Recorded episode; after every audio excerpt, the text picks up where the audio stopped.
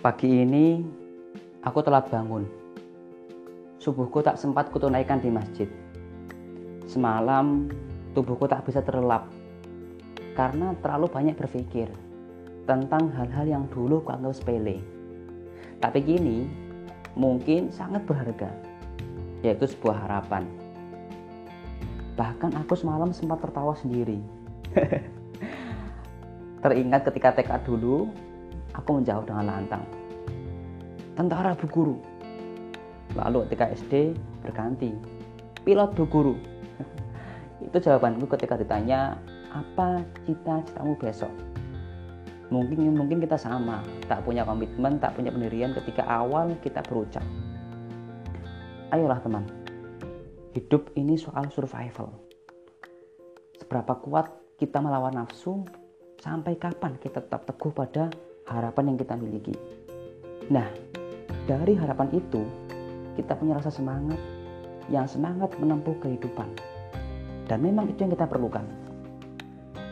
Mungkin banyak orang yang tak sadar jika ia selalu menikmati zona nyaman.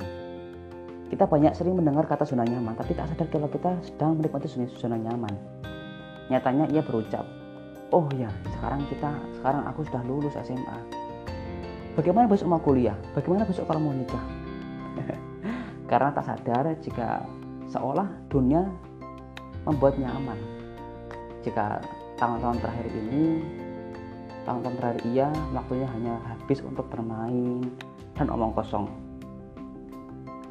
Uh, remaja itu masa emas. Ya mungkin harusnya kita ada kebaikan yang kita miliki. Dan itu juga kita wajib tularkan ke orang lain. Ayolah teman, ini tahun-tahun emasmu. Karena cara dari itu jangan takut menjadi orang yang baik. Orang baik yang bercita-cita tinggi. Walau sulit yakin itu kata utama, yakin itu kata utama. Nyatanya berkali-kali ketika Musa dan Harun ketika menasihati menasihati Firaun ditolak dua kali ditolak tiga kali ditolak. Tapi ia tak putus asa. Dan ia juga tak merasa gagal. Juga sama pada kisah Nabi kita Muhammad SAW ketika ia berdakwah di kaum Quraisy ketika berdakwah di Taif.